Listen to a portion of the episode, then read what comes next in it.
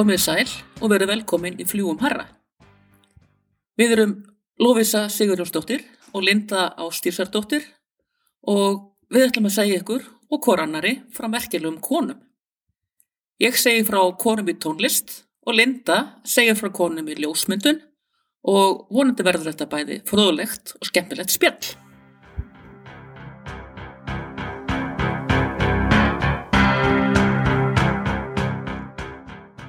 Jæja, Linda mín, Hæ Lóla. þá vorum við mættar enn og aftur hérna í hérna professional stúdíuðið sem Já. við notum. Já, Þú varst nefnilega að taka mynda okkur á hann og þú ætlar að sína hérna hvernig þessi stórkurslega aðstofa okkur lítur út. hlustundum hérna stúdíu, hérna Rate My Setup heitir þessi mynd Já, sko. já. en uh, ég ætla að byrja í dag og segja þér frá, sko, í síðasta þætti var ég með konu sem var alveg opuslega guðmjöl og rosalega lengi dáin. já, En þessi er rosalega ung, já, meiri í þínum, þínum stíl kannski meira svolítið í mínu stíl Já, og, og uh, svo heitir uh, Taylor Momsen. ok Er Bara- einhver tíman hirt minnst á hana? Aldrei nokkuð tíman Nei, ég dætti að ég líka. okay. Uh, þannig að þá dembum við okkur bara í þetta.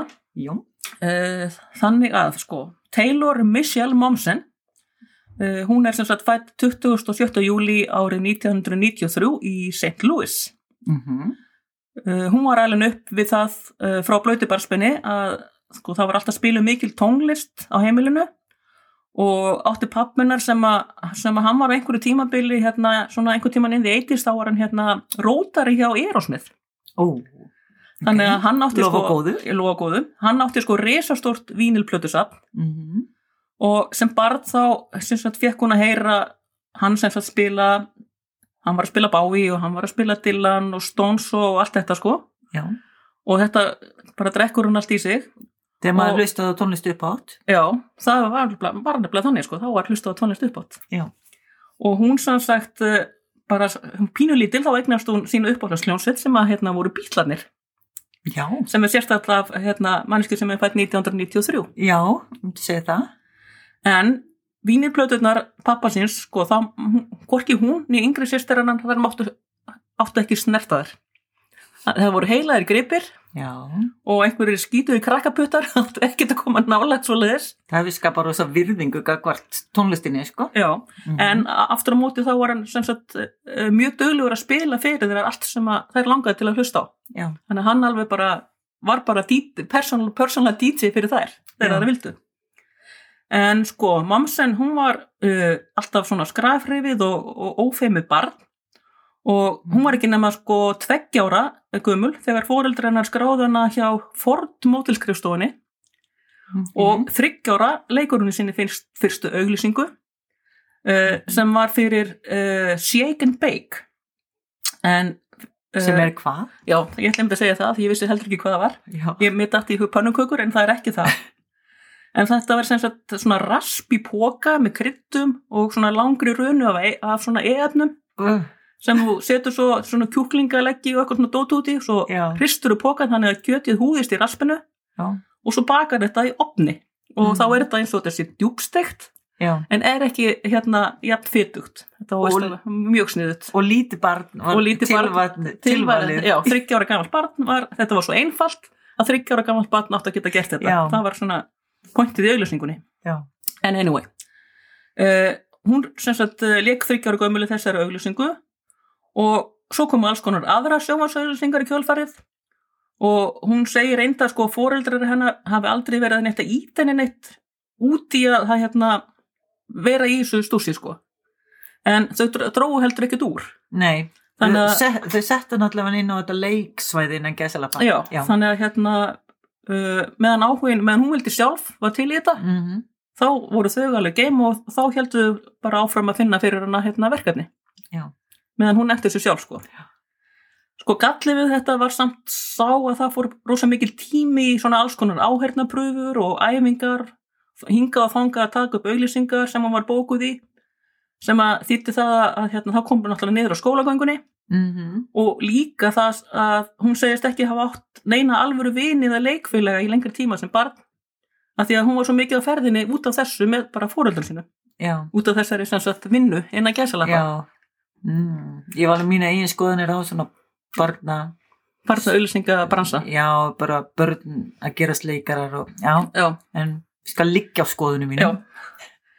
Uh, og svo var það árið 1999 þegar hún er 6 ára að stóra breyki kemur þegar hún er valin til þess að leika Cindy Lou Who á móti Jim Carrey í myndinni How the Grinch Stole Christmas Ó, sem að já. Ron Howard leikstýrði og var gerð eftir samnendri sögu Dr. Seuss. Já, já, Það stórkostli mynd. Það er náttúrulega mynd sem held ég bara allir hafa séð. Já, já, fullorðnir börn og Já, þannig að þarf ekki að eiga börn Nei, nei, sko. þannig að hún leik sem sagt litlistelpuna. Já. Og það fór nú svona sem yngsta sögur að því hvað Jim Carrey gæti verið svona erfiður og mikil, mikil dramadrottning á kvikmyndasettinu.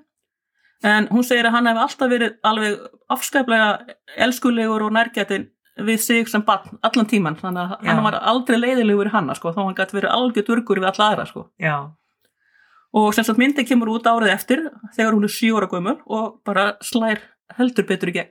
Og 2002 þá leikur hún svo Gretu í myndum uh, Æventýri hans og Gretu ok. og hún leikur í Spy Kids 2 uh, ásamt því að halda áfram að leika í alls konar auðlýsingum og, og hérna kvikmynda eða svona ljósmyndaverkefnum, auðlýsingaverkefnum. Já, En eitt af því sem fylgdi hlutverki Cindy Lou Who, það var að syngja lagið uh, Where Are You Christmas í myndinni, sem ég ætla ekki að spila. og ekki, ekki raula? Nei, ég veit ekki hvernig það er. Því að þetta, þetta er tekið upp núna, þá er ágúst og maður spilar ekki jólalög í ágúst Nei. og reyndar ekki nokkrum öðrum mánuði fyrir utan desember. Ég sammála, Já, sammála, sammála. já. En Allt annað er guðlast. að, ja, allt hann er bara ofbeldi. Já,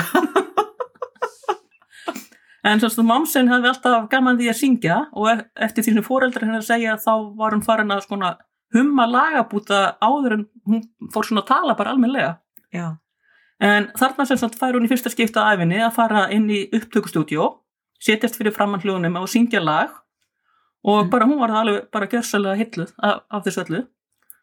Og sko, sjö ára gömul þá fer hún líka á sína fyrstu rocktónleika, ok. Hún- Bíl, ekki með bítlunum, nei. Því miður, það var að segja. það var að örlítið og sint. Þannig að þeir, hún fer samstætt með pappa sínum að sjá hérna White Stripes og hún segist til að byrja með hafa verið alveg sko gáttuð á því hvað þær manneskjur gáttu framkvæmla mikinn háaða en svo bara rann upp fyrir henni að bara þetta langaði henni bara til að gera sjálf. Já, hvað sér henni, sjö ára? Sjóra, Já, það er þetta að standa upp á sviðu og spila og, og syngja sín eigin lög fyrir fólk. Uh, því strax þarna sjóra var hún farin að semja lög. ok. Hún tók bara Kate Boos á þetta Já, já, já. þó að það svona ætti kannski eftir að líða nokkur ár þar til að hérna, varða eitthvað úr því. Og nefnilega þarna er hún bara svo unga, hún skilur ekki og hún á ekki að vera endilega á þeim stað í lífinu maður sé að semja lög. Nei, nei, hún er náttúrulega bara alveg upp í hérna svona Sjóbusiness. skemmtana bransanum sko. Þannig, að, eh, en sem sagt eftir þessa törn þannig að ég sem bíómyndum þá ákveður hún eða kannski fóreldrar hennar að taka pásu frá leiklistin í einhvern þrjú ár og vera bara venjulegt barn og gera venjulega hluti eins og að vera í skólanum og fara í danstíma með vinkonunum og svona eins og ungar stelpur gera. En svo 2006 þá byrjar hún aftur að leika og fyrst kemur fjölskyldumyndin eh, Saving Silo sem fjallar um hund, hundin Silo. Þetta var svona Ok. okay. þrjár myndir í röð og þetta var síðasta myndin um æventýr og raunir hundsinn Silo. Já, ég verið hægt að horfa barnamyndir hérna. Já, 2006. Já. Já, Nei, jú. Nei, nei, nei. nei, ok. svo kemur Disney myndin Underdog og svo kemur einhver unglingamynd sem heitir Paranoid Park sem var leikstýrt af Gus Van Sant og nýjára gömul fyrir Momsen líka í pröfi fyrir, fyrir sjónvarstáttaröð sem Disney var að gera uh, var að fara að framleiða uh, sem hér Hanna Montana Já, ok. og komst meira að segja það langt að vera eina af þeim þrem leikonum sem að loka valið stóð á milli en á endanum var það þó Miley Cyrus sem að fekk að- hlutverkið Sem allir vita. sem allir vita í dag Já. Og Mamsen hún segist nú reyndar alveg í dag að vera döf þegin að hafa ekki fengið þetta hlutverk því að hún hafi ekki getað sé, sjálfa sig fyrir sér sem einhverja svona clean cut fyrirmynd ungra amerískar, stúrkna og að Miley Cyrus hafi bara verið mun heppilegri í þetta hlutverk Já, pluss það um náttúrulega Mæli Særis hefur þurftu aldrei að leggja sér fram um að reyna að hrista Hannu Montana Af sér. stimplin af sér, sko. Eða hlutverkið eða það er bara kannski ímyndina. fyrst núna sem hún er bara að losna við þetta en svo 2007 þegar Momsen er 14 ára uh, þá fyrir hún í pröfu fyrir aðra sjómanstáttaröð sem að hétt Gossip Girl og hreppir hlutverk uh, Jenny Humphrey í þeim þáttum. Uh, sko, ég hef ekki síðan svo mikið sem klippu úr þessum þáttum og það eina sem ég veit að er að þessi, þetta er eitthvað svona grunnskóla og unglingadrama. En Nú er tækifæri til þess já, já, Lola. já, já, já, ég kannski horf á trailerin á þessu. Getum við ekki hámhorft á Gossip Girls já, já, saman? já, sex serjur já, nei, takk Þú hefði svo gott að því en allavega þetta voru rosa vinstæli þættir þarna á þessu tímabili 2007, 8, Já. 9, 10 og, og sem sagt meðfram þessu þá fer hún að koma fram sem mótel á tískusýningum og í tísku ljósmyndun og gerir samning við hérna eh, EMG Models 15 ára gömul Mhm. en það, þú veist, hún er akkurat með útlitið sem að svona margir tísku frömuður vilja að mótilin hafi þess að háaksinn, grönn, ljósærð og Mhm. það unga hún var enn með líkansvöxtu eins og úlingstrákur Já, hvorki með rass, mjöðmir eða brjóst uh, fullkomið fullkomið fyrir hérna, þetta tísku hérna, batteri Já, já en sko þessi EMG Models þetta er sko rísastóru mótilskrifstofa mm. með starfsum út um allan heim og er með fyrirsætur eins og eh, Giselle Bunken hérna, og Kate Já. Moss og Chrissy Teigan og sýsturnar hérna Bella og Gigi Hadid sko. Mm. það er bara rosalega mikið að frægum fyrirsætum á þessari hjá þessari hérna, mótilskrifstofu og momsen verður svo uh, andlit hérna, Material Girl fatalínunar sem að Madonna kom með á markaðan 2010 og sama ár og er hún aðan mótil fyrir eitthvað nýtt Ylvat sem John Galliano var að hérna, markaðsetja Mhm. og sko og þarna var hún bara 17 ára og að- færa svona mjög hratt upp stjörnu heiminin í, í mótilbransanum Já, bæði veit ég ekkert hver hún er sem sagt ára byrja og svo, svo er, ertu á svæði sem ég þekki lítið. Já, en, ég þekk, þekki þetta Já. sagði ekki heldur. Já, en þetta er hún er örgulega ná alveg svaka fram að þarna. Já, Já. bæði þú veist í mótilbransanum og svo er hún að leika í þessu- þessum þáttum sko. Já, já, og hún heldur áfram að leika í þessum Gossip Girl þáttum ásamt svona vaksandi velgengni í mótilstörfunum og kemur reglulega fram í svona fyrstu þrem seríunum en þegar kemur að seríu fjögur eh, þá var svona leiklistar áhugin farin að víkja mjög mikið fyrir tónlistar áhuganum mm og eftir þá seríu þá hættir hún eiginlega í þáttunum. Utan það að koma fram í loka þætti e, seríu 6 sem var sem síðasta seríun af, af Gossip Girl.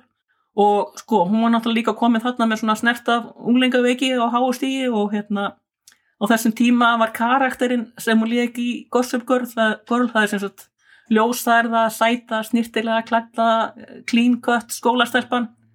Sko Mhm. átti ekkert skilt við leikonuna Taylor Momsen nei. sem var svona núna orðin svona ímólingur í tilversta kreppu. Þannig að hún hefur verið alveg að springa á sig og bara passa sig öskri ekki á já, já, örglega og örglega hefur sprungið óttar en einu sinni. Já, og alveg húst í leða jakkanum og nettsokkabuxum og stilett og hæla með svartan maskarinn og kinnar og eldröða varalit sko og vildi núna bara vera, verða svona, svona rockstjarnar með attitude? Og svo bara, ó, vinnan mín. Og ég þarf að vera klinkvætt stelpan. Þannig hún hættir.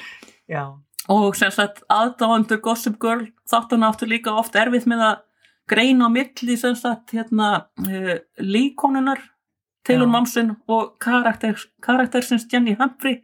Já. Og það fór alveg óendalega mikið í tögarnar á henni sko. mm Svo erfitt að vera leikari maður Já, sérstaklega í svona hérna, þáttaröðum sko, þar sem þú ert alltaf að leika saman karakterin Já, Og og, fólk- þá að þú bara að þá, þú vera ertu bara þessum, Já, þessi já. karakter sko. aðdáðandum gera kröfur um það Já, það var svo að þetta sagt, hlutverk Jenny Humphrey í Gossip Girl uh, varð síðasta leik hlutverki sem að Taylor Momsen, Momsen tók að sér. Hérðan í frá þá var það bara tónlistin sem allt snýrist um og á endanum lagði hún líka mótilstörfin á hilluna. mm Þannig að sem sagt, hún bara fórnaði upprennandi ferli bæði sem leikona og fyrirsæta fyrir tónlistardraumana. ég, ég bara strax mjög ánað með hann Já, hún, já hún, hún bara valdi það sem hún vildi gera sko. já, já, Þó væri, væri sko alveg fullt af peningum í, þessu hinu brasi þarna já, og hún veist ekkert út, út í hvað hún var að fara í músikinni hvernig það myndi enda þá Nei. tók hún samt sénsinn sko. Sko hún hafði heldur engan áhuga hún vildi ekki vera sko soloartisti ok hún vildi hvorki vera Lady Gaga eða- Katy Perry en hérna hún vildi bara vera í hljómsveit Já. vildi bara vera söngkonni í rockhljómsveit bara eins og Chrissy Hine já, og spila bara- gítar fyrir að leita sér að hljómsveitum meðlum Já, og Mhm. hérna Joan Jett og, og allt þetta sko. Já. Sko hún hafði lært að spila á píano sem barn og svo hafði hún kent sjálfur sér að spila gítar og hérna strax 2008 meðan hún var enn að leika í Gossip Girl og sinna mótilstórunum. Uh, þá fyrir hún að fikra sig svona meira inn í tónlistabransan mm. og því hún hafði náttúrulega hún hafði samið þarna eitthvað að lögu sem að henni þótti alveg frambærileg þarna á þessu tímanbili Já, og var farin að vinna með einhverjum upptökustjóra að- útsetja og taka upp eitthvað af þessum lögum sínum. Uh, en samt að flestir í kringum hann á þessum tíma vildu svona gera uh, úr henni svona Britney Spears, Kristín Aguilera popstjörnu já, en momsin hefði svo sem náttúrulega hún hafði engan áhuga því og engan áhuga þannig tónlist heldur. Því að eins og það sagði sko fyrsta upp á hljómsveitin hennar voru bítlarnir og þannig að fór hún yfir í sko Led Zeppelin og ACDC og Marilyn Manson og Nirvana og já svo voru hún alveg sko massífur songkartin fan. Þannig að það var hennar músík sko. Trætti sig í gegnum rocksjóguna já, hún gerði það bara bókstælega byrjaði þarna hjá pappa sínum að hlusta. Það var svo þegar hún hittir lagahöfundin og upptökustjóran Keito Kandvala að hún finnur einhvern sem að skilur hvert að hún fara í tónlistinni og er ekki að reyna stýrin í einhver áttur sem að hún hefur engan áhuga á. Mm en Kandvala uh, þessi hann hafði þarna unni með uh, hljómsveitum eins og Breaking Benjamin og My, my uh, Chemi- Chemical Romance kannski hljómsveit sem að þú þekkir ekkert. Nei. Uh, og hann sem sagt kynir momsen fyrir gítarleikarannum Ben Phillips og saman fara þau þrjú þau fara semja lög og, og hérna 2008 er hljómsveitin Reckless stopnuð mm þar sem momsen söng og spilaði gítar á samt trommara, bassarleikur og gítarleikara sem að svona litlar sögur bara af hverju voru og stoppuðu stutt við. Ok. En að þreifa fyrir sér, mm. og þau þurftu reyndar að breyta nafninu úr Reckless í Pretty Reckless út af einhverju vörumerkjavesinni þar sem að einhver annar átti vörumerkið Reckless. Ó, þannig að þau settu bara Pretty fyrir framann og Pretty Reckless spila sína fyrstu tónleika í mæ 2009 sko, uh, næsta sett af hljómsveitarmeðlumum meðlumum stoppaði líka stutt við og það var ekki fyrir en uh, 2010 uh, sem gítarleikarinn Ben Phillips sem hafi hingað til verið svona á kantinu sem lagahöfundur mm. gengur formlega í bandið ásamt bassarleikarunum Mark Damon, ekki Matt já, og trommarannum Jamie Perkins og svona er hljómsveitin enn skipuð 12 árum setna. í hvaða borg eru við aftur stödd Þetta er að gerast í New York og eru þið kannski bara að spila á klubbum og eitthvað svona eða, já. og sko þau landa eiginlega bara strax samningi við hérna Interscope Records Mhm. og fyrsta plata þeirra kemur út í ágúst 2010 þannig að hérna það, það hérna liði ekki með tvö ár þangað til bara frá því bara hljómsveitin var stopnuð bara fyrsta útgáfan af henni þangað til að þau eru komið með plötu ég er bara spennt að heyra Já. hérna. Heyri það hvernig er komið svona flottu formúla Já. þessi. og hérna heiti platan Light Me Up og hún gekk alveg ljómandi vel og fekk fínustu dóma og þá helst í Bretlandi þar sem hún fór uh, beint í hérna, sjötta sætið á breska listanum ok, það er flott mjög flott sko fyrir alveg óþekta rockljósitt já, og fyrsta smárskifan uh, var svo lagið Make Me Wanna Die við hlustum að það hérna núna rétt á eftir en, og aðtíð að þarna er Taylor Momsen bara 17 ára gull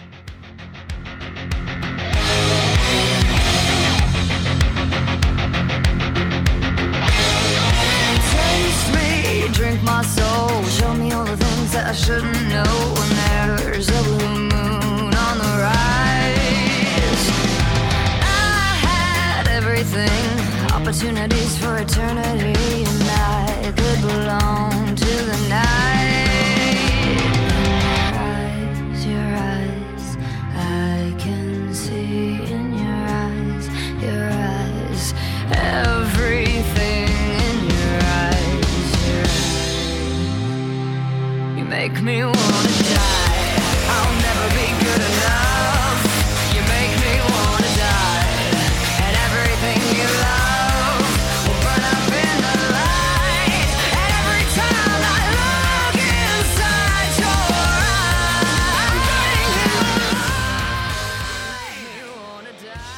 Eru 17 ára stelpa að syngja rock Já, mjög cool já, og sko sama ár og Pretty Reckless gefa út þessa fyrstu plötu sína kemur út plata með hérna raunveruleika sjónvarstjörnunni Heidi Montag Er það eitthvað sem þú kannast við? Nei, ég og raunveruleika sjónar. Já. Mm, mm, mm, það er bara Oss- Ossi, hérna. Ossi er eina raunveruleika sjónar. Og já, ég, hérna sko, veist, ég renni stundum í gegnum slúðrið á Daily Mail, þá sé ég stundum þess að minnst á þessa mannesku, Já, en annars veit ég ekki hver hún er sko. ok. En, og hvernig tengist hún Taylor Momsen? Jú, Mm. hún hafi gefið plötu, þessi heiti Montag. Hún hann langar líka til að vera tónlistakona, en hún er samt miklu eldri heldur en Momsen. Og á þeirri plötu er lag sem Momsen hafi samið og tekið upp uh, demo af, mhm, bara af því hún, hann langaði til þess að hún gata, já, þegar hún var 8 ára. já, krú, Já, já, og hérna, þetta lag endar á þessari plötu með þessari heiti Montag. Já, þetta, næs. og hérna Momsen, hún segir bara henni fannst þetta bara mjög spauðileg sko. Og Já. hún sagði I'm like you're singing an 80 year old words but that's cool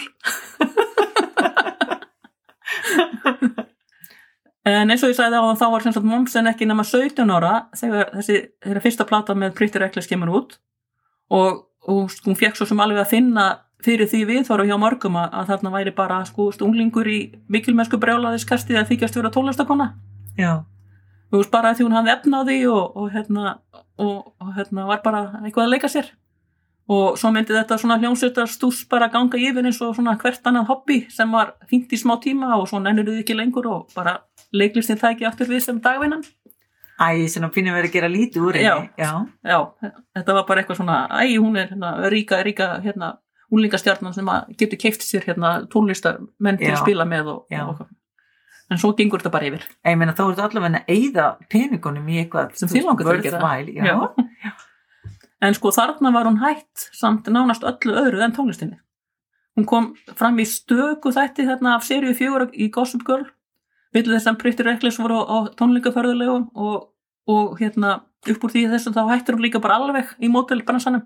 En sko 2012 þá byrjuðu þau að vinna plötu nr. 2 í stúdíói í hérna New Jersey. En sko það vildi ekki betur til en svo að hérna nokkru mánuðum setna uh, þá skellir á fellibylurinn Sandy þarna á östustan Ah. bandaríkina og leggur stúdíóið í rúst Jöp, og það eðilegst ekki bara stúdíóið heldur megniða hljóðfærum sem þau áttu þar og öllum öðrum græjum og allar upptökurnar sem þau voru búin að vinna að Ok. þannig að það var allt ónýtt Vá, en, en, en dramatist start. já, já. og bara þannig að það var ekkert annað í stöðinu bara en að byrja upp á nýtt og allir saman þetta hafðist á lokum og platan kemur út í mars 2014 og heitir Going to Hell. Mhm. sem var eitthvað sem var, sem var, eh, sko, sem var staður sem að svona ymsir aðdáendur Gossip Girl seríunar voru nokkuð vissum, vissur um að momsin var í lóðbeint að leiðinu til. Í hérna, netsokkaböksunum sínum og strippara hælurunum og, og korsiletti sem að var svona helsti fatnaðir sem hann klættist á þessum tíma. Já, en húst það, er, það hefur náttúrulega alltaf fyllt rokkjun að vera Etsy og nexla almóan nema þú sért náttúrulega krítið að Nickelback.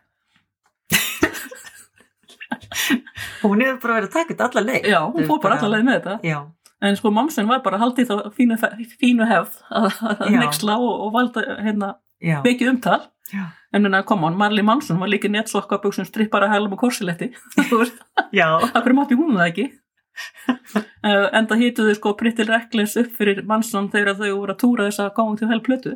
Momsen reynda segir um sjálfa sig á, á þessu tímanbili þegar hún var svona 16, 17, 18 ára. Hún segir sko, uh, sko looking back at it now, what was I thinking?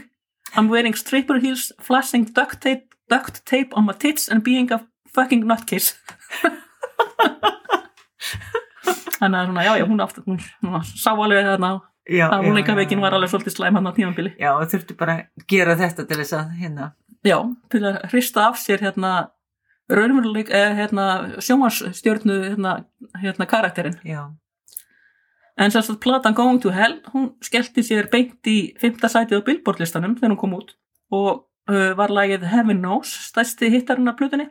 Uh, það var líka fyrsta lagi sem að ég heyrði með Pretty Reckless. Af því ég, ég var alveg, ég viðkynna það, ég var alveg með fordóma sko. Þegar ég sá þess að stelpu bara einhver, já, einhver hérna. út af, eh, úr hvað bakgrunn hún kemur. Já, hvað bakgrunum kemur Mhm. og bara, ó, já, bara einhver, einhver svona þykjast verið einhver rockari einhver. En svo var þetta alveg Mhm. bara alveg ekta hjá þeim sko.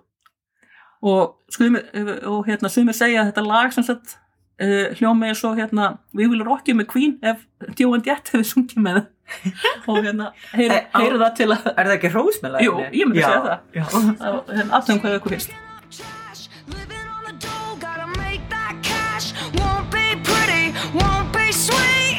just sitting there on our feet, singing,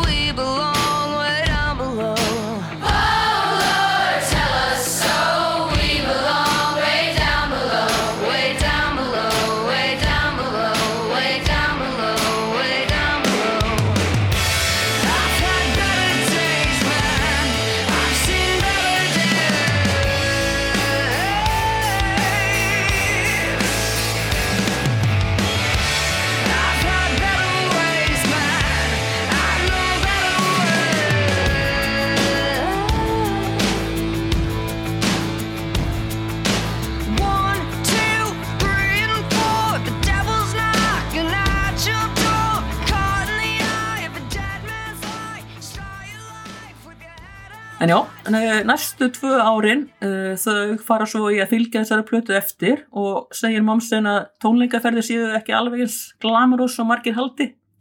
Af því að það eina sem þú sérðu eru svona mismunandi hótelherbyggi og hraðbrutur og flugvellir.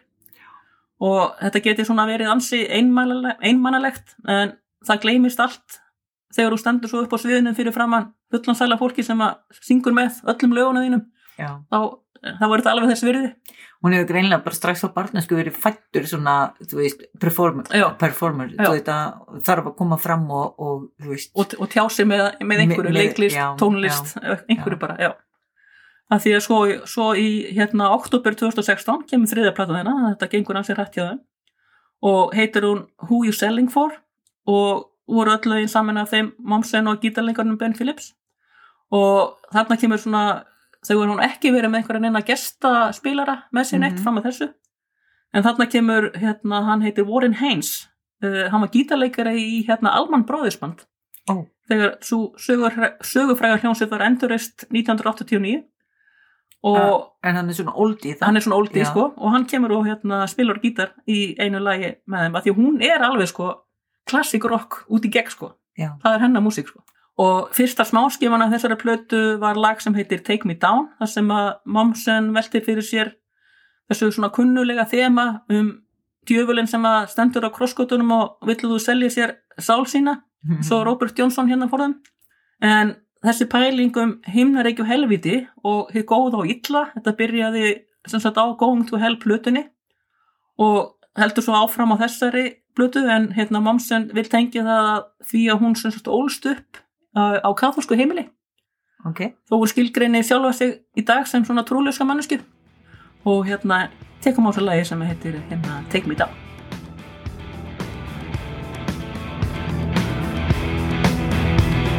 Standing at the crossroads, a dried up pen in hand. The conversation went like this. Tell me your desire,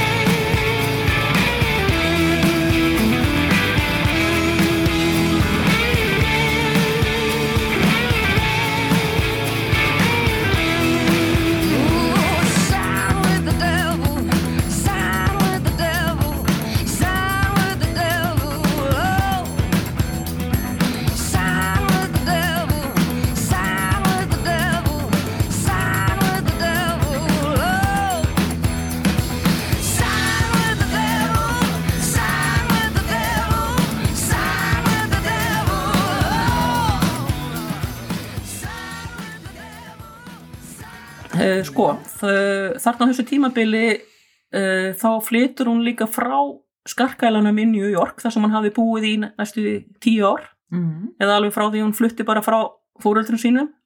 Og hún kaupir sér hús í hérna Maine. Bara einhver staðar in the middle of nowhere. Já, þar sem hún getur bara fengið alveg frið og kúpla sig út úr öllu þegar hún vill.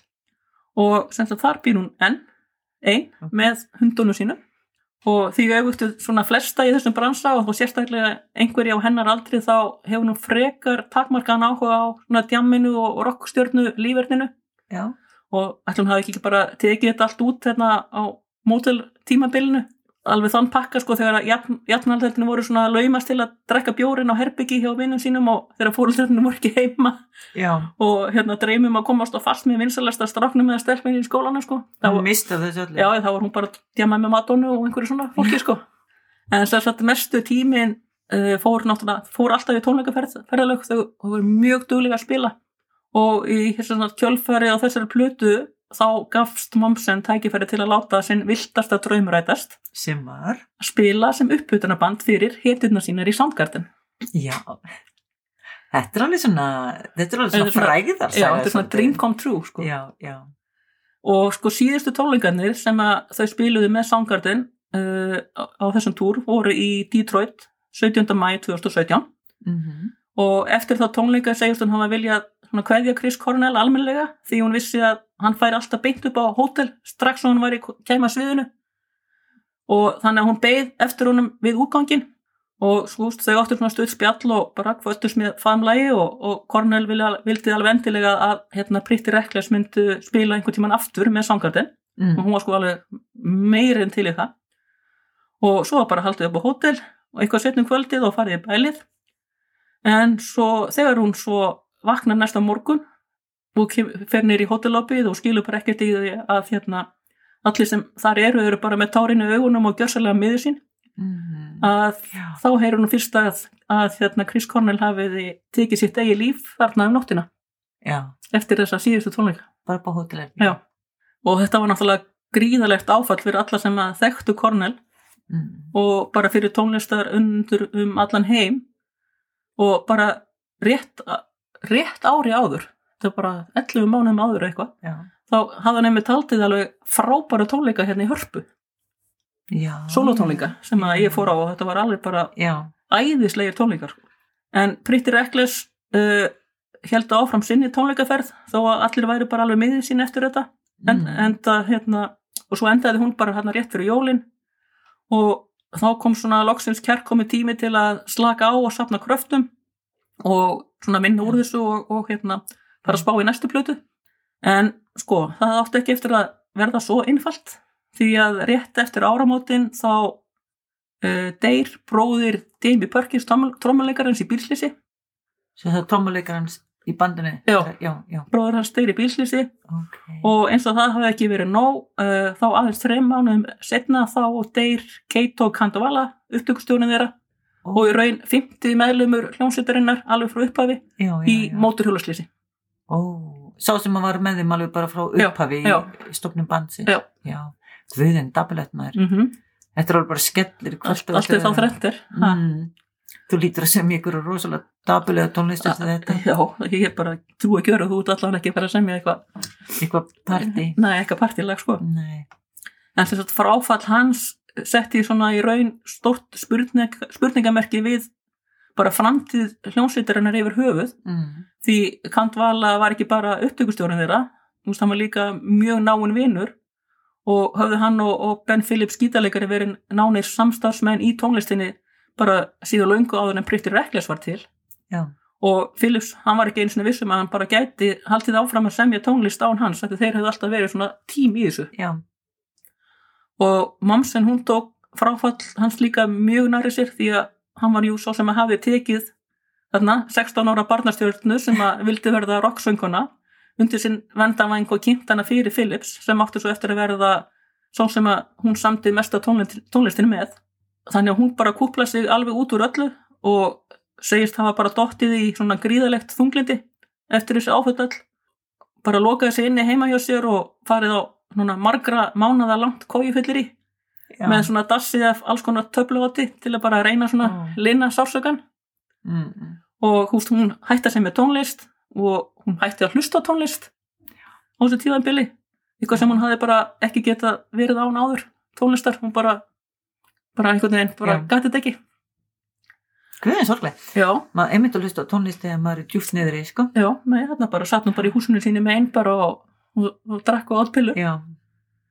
En sko Phillips hins vegar uh, hann fann aftur hjá sér þörfina til að spila og semja og, og hérna, hann fór að vinna lögum sem að gætu orðið næsta Pretty Reckless plata en sko Momsen hún var ekki ennþá þarna tilbúin til að takast á við lífið.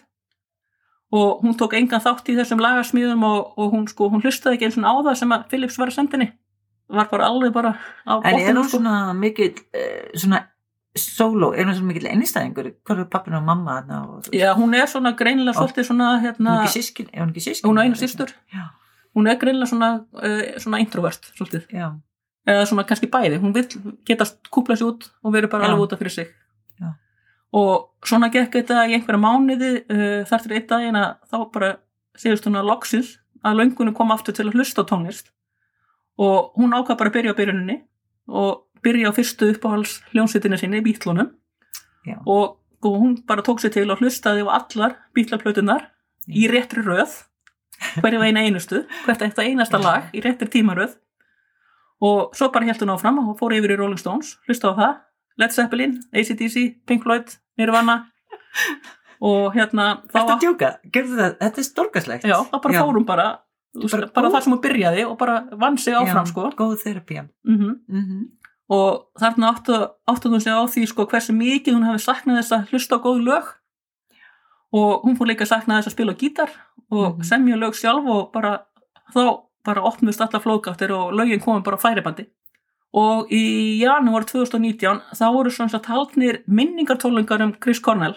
í hérna því fórum tónlingahöllin í Los Angeles -hmm. sem að hétu I am the highway og þar komu sem sagt saman vinir og samstarfsfélaga Cornell og fluttu lög frá öllum hans ferli. Já. og þarna var hún, Taylor Momsen uh, einn af flytjendunum. Mm og þarna voru Metallica og Foo Fighters og Fiona Apple, Josh Homme Queens of the Stone Age, Miley Cyrus var þarna The Melvins. Og sko fjöldin allur af öðru tólestafólki og, og hérna var þáttastjórnandin Jimmy Kimmel var hérna kynir mm. og þetta var alveg sko 5 klukkustundar langur viðbörður, þetta var svo mikið af tónlistafólki sem Já. að vildi koma þarna fram sko Já. og heitra hans minningu og allur ágóði af þessum tónleikum uh, fór til samtakana uh, Chris and Vicky uh, Cornell Foundation sem að þau Chris Cornell og Vicky Cornell uh, höfðu Já. stopnað 2012 og þessi samtök þau sem sagt hafa það markmið að aðstofa uh, börn vísauður í heiminum Já. sem að hafa þurft að upplifa að búa við fátækt, uh, heimilisleysi, vannrækslu og ofbeldi og þetta var svona málefni sem að uh, uh, Cornel var svona mikið hjartansmál okay. að, að aðstofa börn í svona, svona Mm. vandræðum og þarna kom sem sagt Momsen fram ásamt uh, eftirlifandi meðlumum uh, Songardin ok, og söng með þeim þrjú lög og eitt þessara laga er í rauninu, þetta er, er eitt af mínum uppáhalds sangardelögum og heitir hérna Love.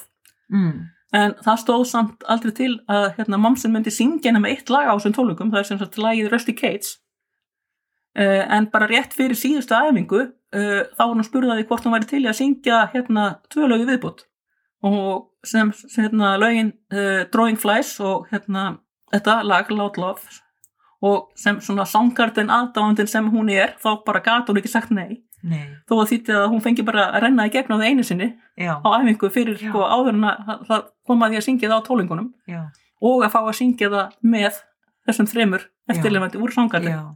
Og til heiður á til manni, já, og hérna heyrum svo núna hérna Momsen ásand þessum þreim fjórðu úr sangarden og hann eru líka þeir hérna Wayne Kramer úr MC5 mm og Tom Morello úr Race Against the Machine þeir spila með henni þannig líka Já. ásand sangarden köllunum og sko þetta eru kannski ekki bestu hljómgjanin sem að eru núna sem að eru sér lægi því að þetta er bara tekið á YouTube. Það sem einhver hefur tekið þetta upp á hérna, síma sinn og, og postaði já, það sko. já, já, ok. Já, en, ég leita og leita og leita hvort ég fyndi betri, hérna, hvort ég fyndi einhver staðar svona alveg upptökur af þessum tónleikum en ég fann hverki en bara að heyra hana syngja þetta sangartileg, Já, það er bara- þess virði og, bara feelingur. já, það er bara fílingur og hún gerir það bara ógeðslega vel Já. og hérna, heyru það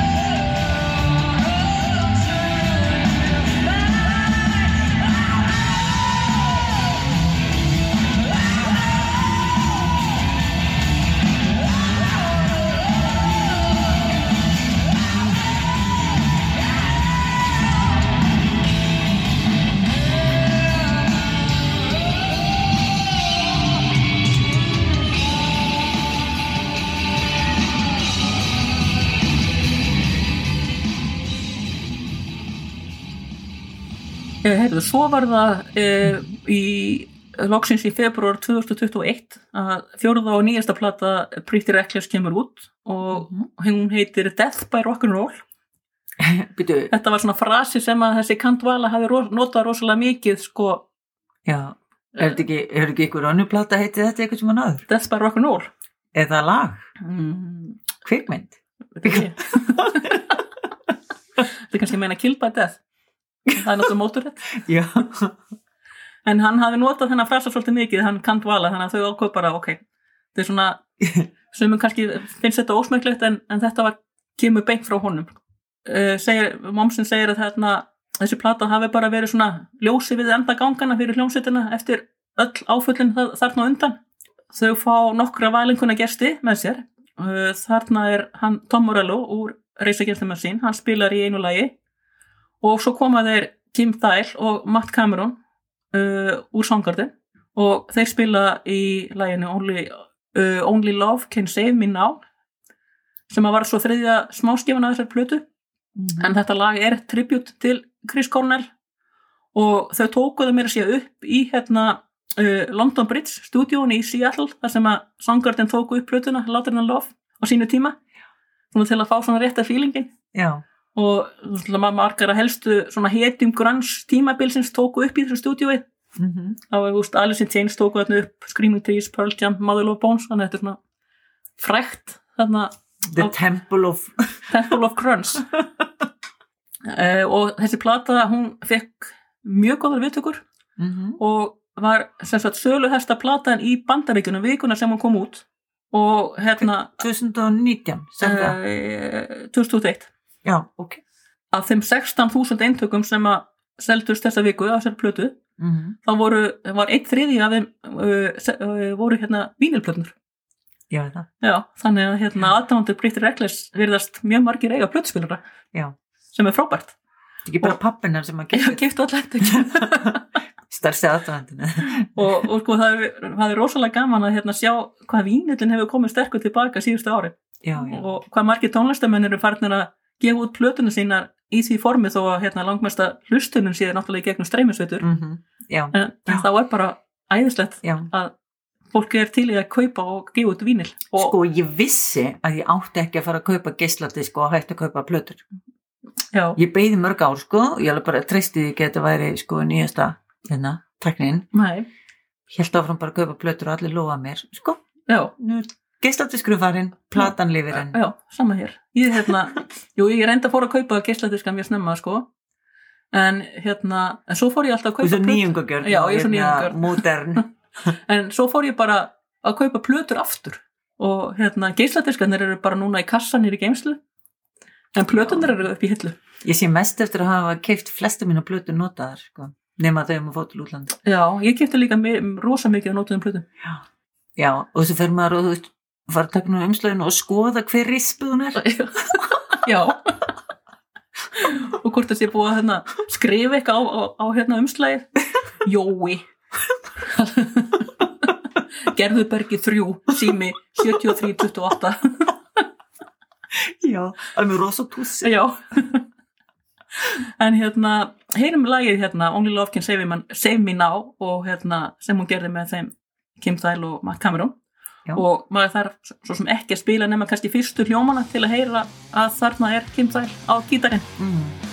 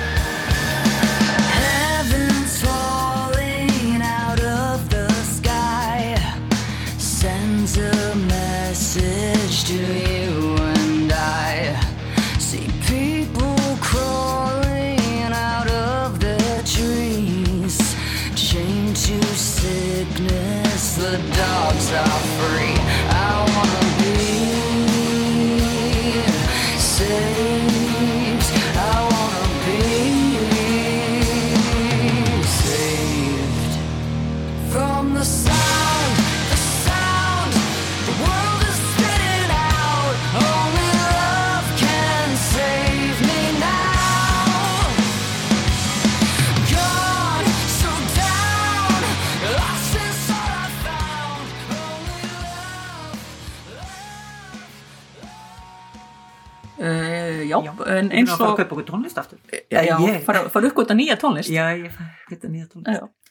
en sko eins og allir aðrir þá lendu Pretty Reckless í hérna COVID-hysteríunni og ekkert varður svona plönum tónleikaferðum niður einu öðru Mm. og mamsen hún fór því bara að dunda sér við að hérna mála og gera skúltúra og eitthvað svona Okay. bara ein með sjálfur sér þarna út í sveiti megin uh, spila tónlist með strákunum í bandinu en þau búa all á þessu svæði.